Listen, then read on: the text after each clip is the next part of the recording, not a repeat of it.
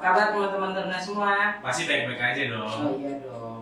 Oke, di saat ini ada Kainat Iya, dan juga saya sendiri Kak Levi. Dan di sini juga akan menyampaikan sedikit dari renungan firman Tuhan pada ibadah hari Minggu persekutuan teruna di hari ini. Nah, Nah, dan di saat ini juga Kainat kita akan membaca pada pembacaan dari kejadian 31 ayat 43 sampai 50.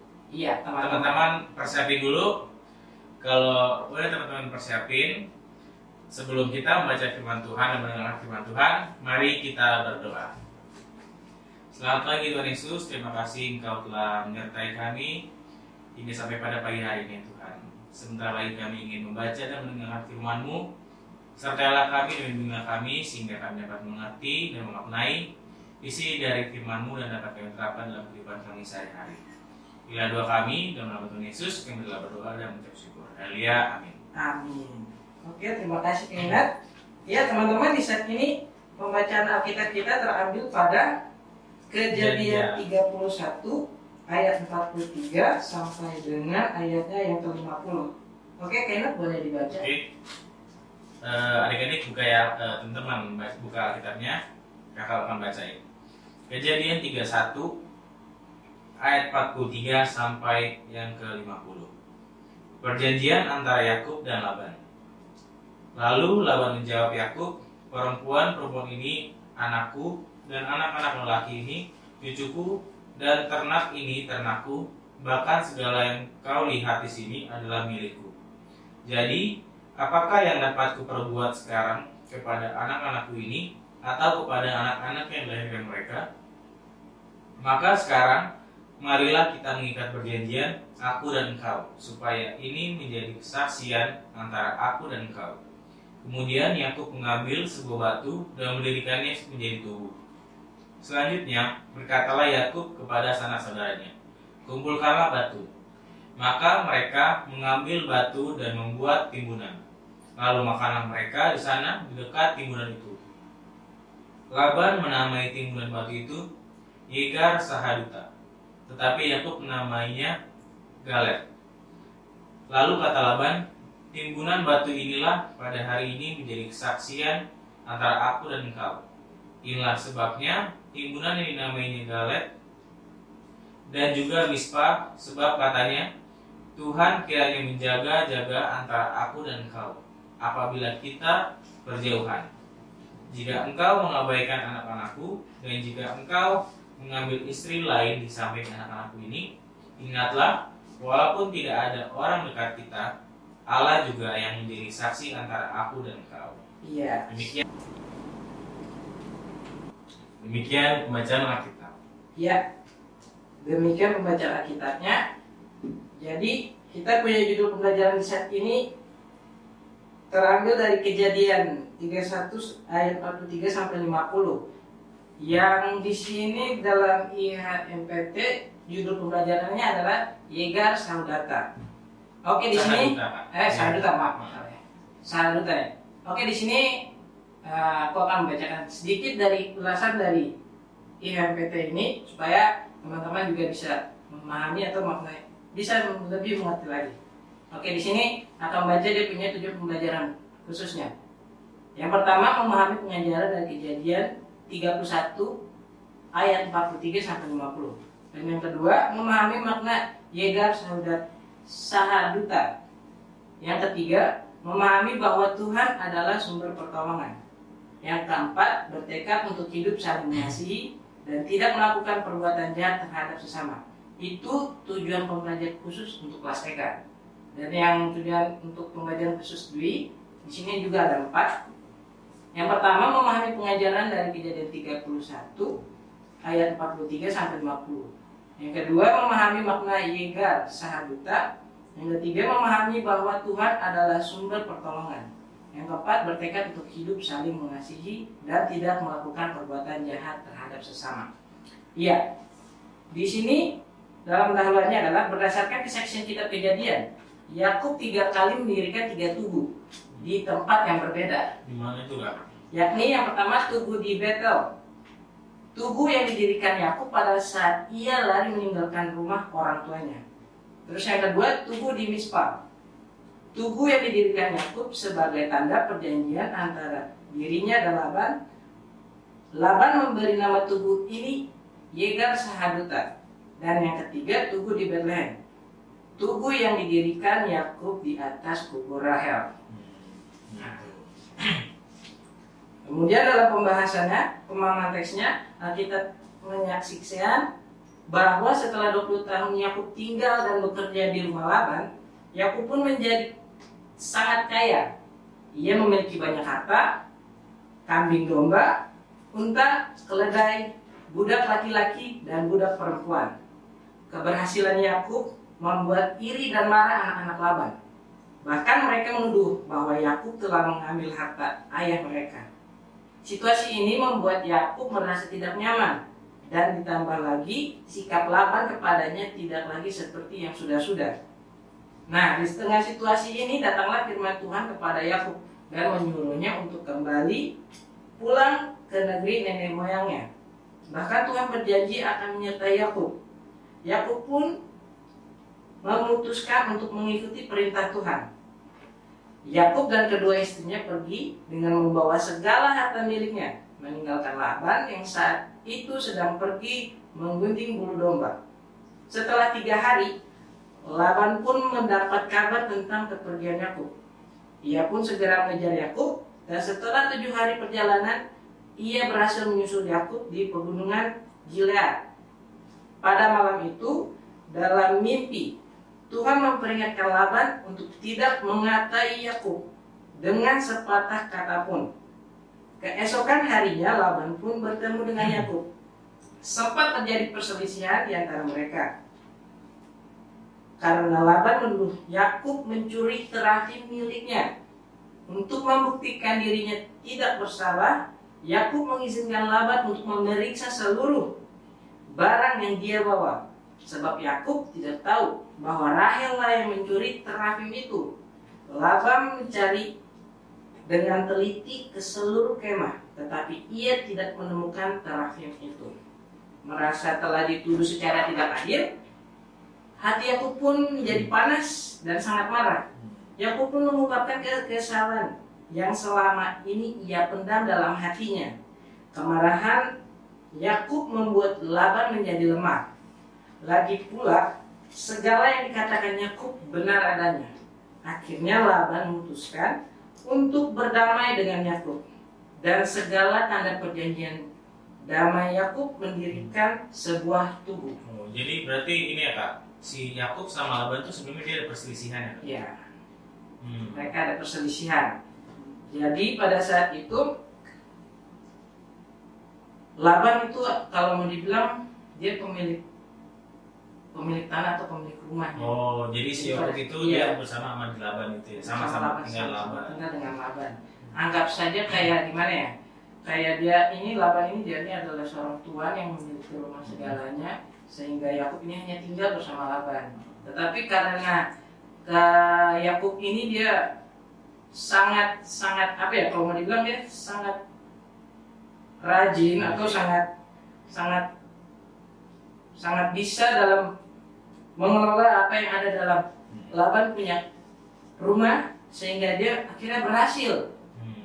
dia bisa memiliki yang tadi adalah harta kambing domba unta keledai budak laki-laki dan budak perempuan sehingga yang terjadi adalah keirian Dari- si, si Laban itu. silaban itu yang tadinya Laban dari kak, bukan si Laban, kalau si Laban warga oh silaban iya iya benar sih maaf Laban. Laban nah benar juga tuh. Jadi anak-anak Laban ini sampai pikir lu kerja di rumah gua kok? Iya.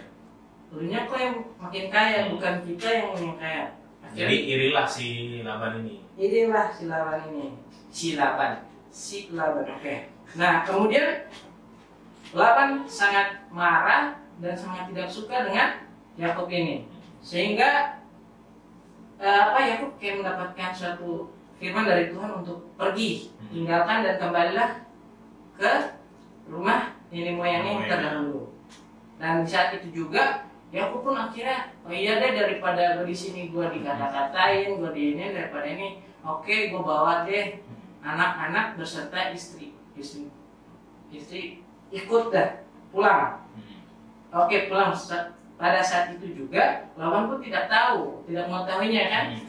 nah dari situ kemudian di sini eh dibuatlah tubuh itu ya? iya dibuatlah tubuh. Tubuh yang namanya itu kalau di, di bacaan kita itu yang namanya menjadi judul perikop kita nih. Dari kok ya Yegar Sahaduta Yegar Sahaduta nah tubuhnya itu dibangun sama antara Yakub sama Laban sebagai tanda perjanjian dia kak.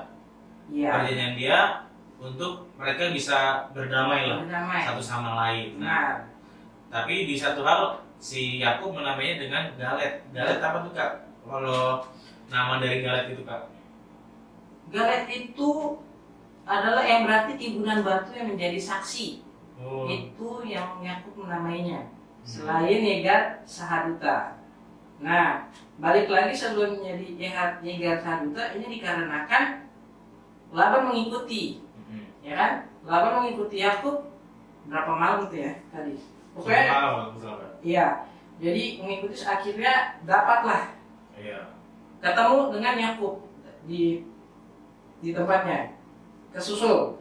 Nah kemudian pada saat itu juga Laban Laban ingin bilang bahwa ada yang kamu ambil dari aku, Hmm. yaitu tadi apa? Serah terafim, terafim. Terafim. Ya. Jadi pada saat itu juga dia menuduh Yakub bahwa dia mengambil itu mencuri ya kak iya ibaratnya kalau kata teman-teman sekarang iya mencuri mencuri terafim milik Laban. Nah, pada saat itu juga Yakub dengan menahan orang ini tahan emosi nih ya. Ya udah kalau nggak percaya silakan periksa apa yang ada dalam kemah. Saya ini silakan diperiksa kalau ada oke. Tapi kedapatan adalah Laban tidak mendapatnya. dan di sini pun pada saat si Laban menuduh itu Yakub pun merasa marah dia karena dia tidak merasa karena bukan dia nggak melakukan hal yang dituduhkan oleh si Laban itu kan Iya, pastinya. Siapa juga sih yang Iya. kalau misalnya gua lo ya, kalau misalnya lu contohnya ngambil pena gua, terus gua periksa di atasnya kalau pena gua nggak ada, adanya di teman-teman yang lain. Pastinya ya dalam hati kan memang kita kelihatannya senyum ya ini tapi bilang ah lu menuduh aja lo. nah, Nah, padahal di sini balik lagi yang mengambilnya adalah Rahel. Nah, di sini akhirnya Yakub pun mengeluarkan apa yang ada dalam hatinya, emosinya. Sehingga dia menurut dia benar-benar marah kepada Laban dan sangat emosi. Tetapi dari sini Laban memutuskan untuk berdamai juga dengan Yakub karena dia tahu salah. Oh iya, gue salah nih. Gue udah nuduh bahwa eh, Yakub ini udah ngambil terafin gue, terafin gue, tapi kenyataannya enggak. Yang ngambilnya adalah Rahel. Oke, gue mau berdamai.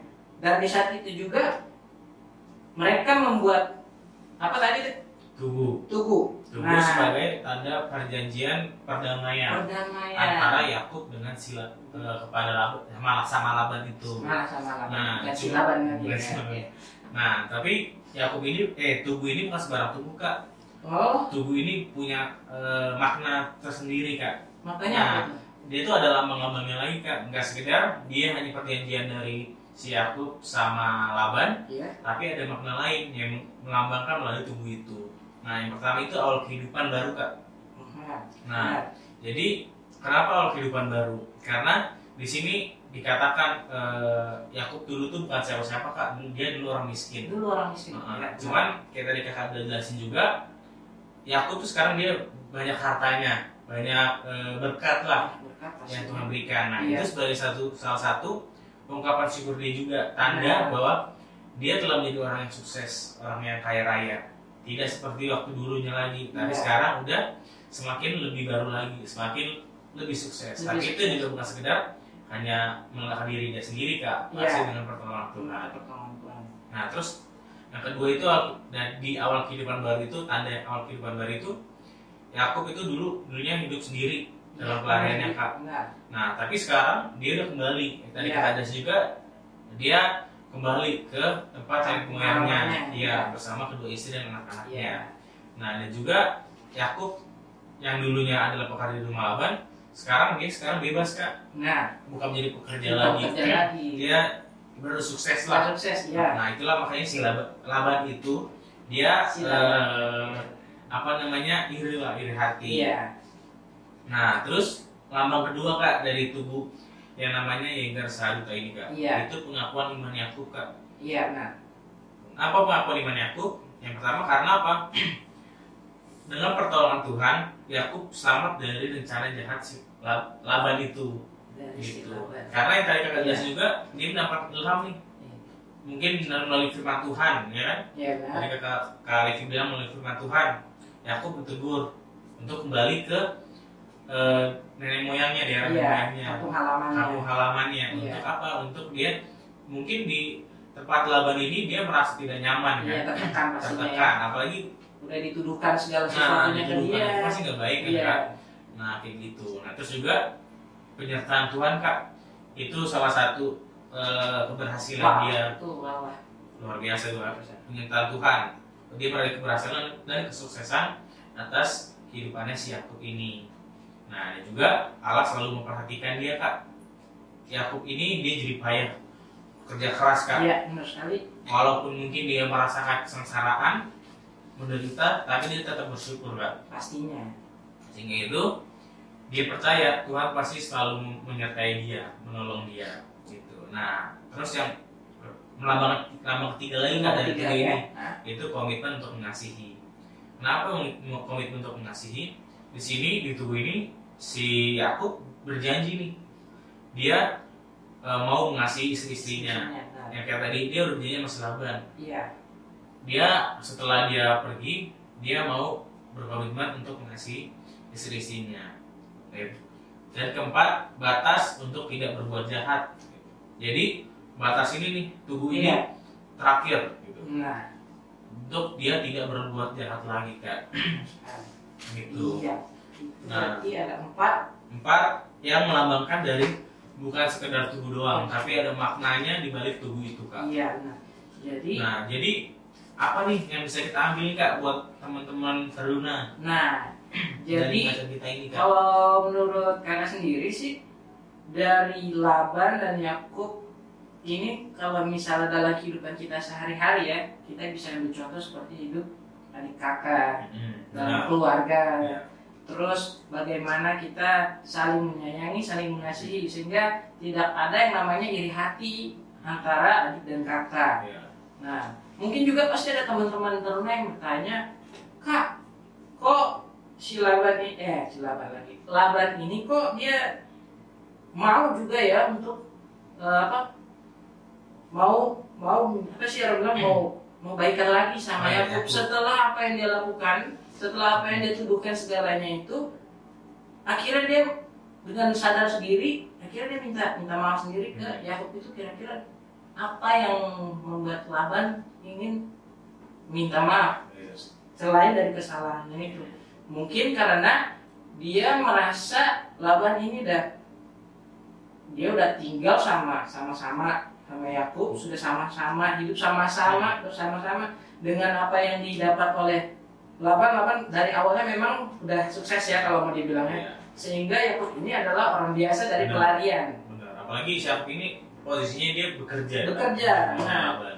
dari pelarian dia bekerja sehingga dia oh iya Yakub nih kayaknya mesti gue tolong mungkin dengan cara ya tinggal di rumah di gue deh ya udah kita kerja sama-sama supaya lo juga bisa menghasilkan sukses sama yang Nah. apa yang gue dapat di saat ini contohnya kehidupan Laban bisa sama dengan Yakub. Mungkin dari situ juga ya Laban berpikir oh iya mungkin selama ini gara-gara mungkin karena anak-anaknya juga ya. Hmm. anak-anaknya sampai ini sampai bilang kok dia bisa memiliki semuanya? Iya. sedangkan dia bekerja ada di rumah. Rumahnya itu. Rumahnya Rumah Laban.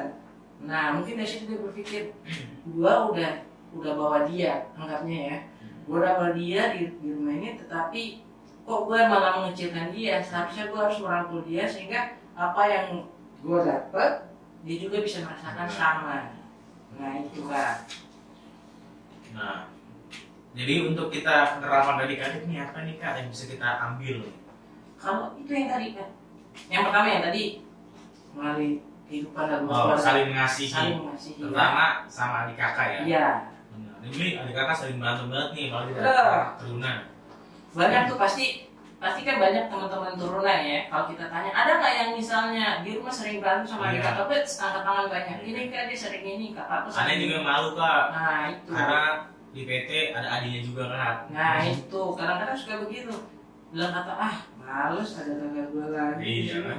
terus ah nggak ah gue mau ikut. Ada adik gue di sini juga. Nah sebenarnya kalau buat aku sendiri ya buat iya buat aku sendiri sebenarnya itu satu satu hal yang sangat baik di mana kita bisa yang biasanya di rumah tapi ke gereja pun bisa sama-sama Iya benar. selain dengan mama papa tapi kan sebenarnya kan kita bisa oh iya ternyata iya nih ada adik gua ada kakak gua Hmm. nggak apa-apa lah kita pergi sekolah minggu sama-sama apa apa misalnya daripada di rumah kita nonton kartun yang Iya. enggak terus kakaknya pergi atau adanya yang pergi tinggal di rumah ya percuma kan hari minggu nggak nggak- Iya. nggak dimanfaatkan dengan baik jadi kita bisa saling mengajak Mas, iya. sama saling mengasihi adik dan Dan kakak ngasih itu ya, Nah. yang pertama.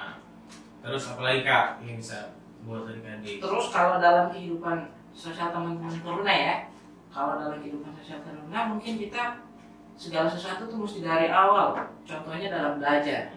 Kalau kita belajar semakin giat seperti Yakub, pastinya kita akan mendapatkan hasil yang lebih baik lagi. Sehingga apa yang kita lakukan juga itu Tuhan selalu bilang, oh ternyata anak-anak anak teruna ini sungguh-sungguh dalam belajar. Tuhan pasti akan menyertai apa pun teman-teman yang melakukan teman-teman pelajari di sekolah maupun eh, di lingkup bermain. Dalam lingkup sekolah mungkin belajar yang dulu nilainya jelek, kita tahu ah kita dapat nilainya ini ini aja. Tapi ketika kita segala sesuatu mengimani melalui Tuhan lalu kita giat, pastinya Tuhan akan bilang, udah nih udah saatnya lu naik nih, udah. Gue rasa lu udah harus naik nih. Tuhan pasti akan mendorong dengan cara kita memiliki akal pikiran. Benar. benar. Nah, dari situ kita yang darinya dulunya anaknya. Contohnya ya, kalau di sekolah malas, kita tidak ingin tahu apa-apa. Ketika kita ingin sesuatu tapi kita tidak dapat, kalau malas mau dapat apa kak? Benar. Benar tuh kak. Apalagi kita cuma hanya cuma diam doang. Nah, Berdoa juga minta tolong Tuhan enggak. Iya. kan. Baca firman Tuhan juga enggak. tuh. Nah dari situ pastinya teman-teman pasti berpikir ya, oh iya, berarti selama ini apa yang aku lakukan atau kita lakukan itu salah ya. Kita kalau inginkan sesuatu pasti harus dengan ada usaha kerja keras. dan itu pun juga berdoa minta tuntunan serta penyertaan Tuhan. Nah di saat itu juga pasti teman-teman ada deh halangannya pasti. Ketika teman-teman di atas tuh bukan berarti teman-teman udah aman nih. Oh ternyata gue nih di sekolah udah ranking satu. Tapi pasti ada teman-teman yang namanya ini yang tadi ada bilang iri hati. Iri hati, benar. Pastinya ada. Ah lo cari muka sama guru akhirnya dapat ranking satu di sekolah. Ah lalu akhirnya kita dijauhkan ya. Benar. Nah, sebenarnya dari masalah-masalah kayak begini, kita nggak perlu takut. Kenapa kita mesti takut? Nggak perlu. Karena apa yang kita lakukan itu semua adalah penyertaan dari Tuhan Tuhan. sendiri. Jadi apa yang kita dapat dari Yakub kita ambil baiknya.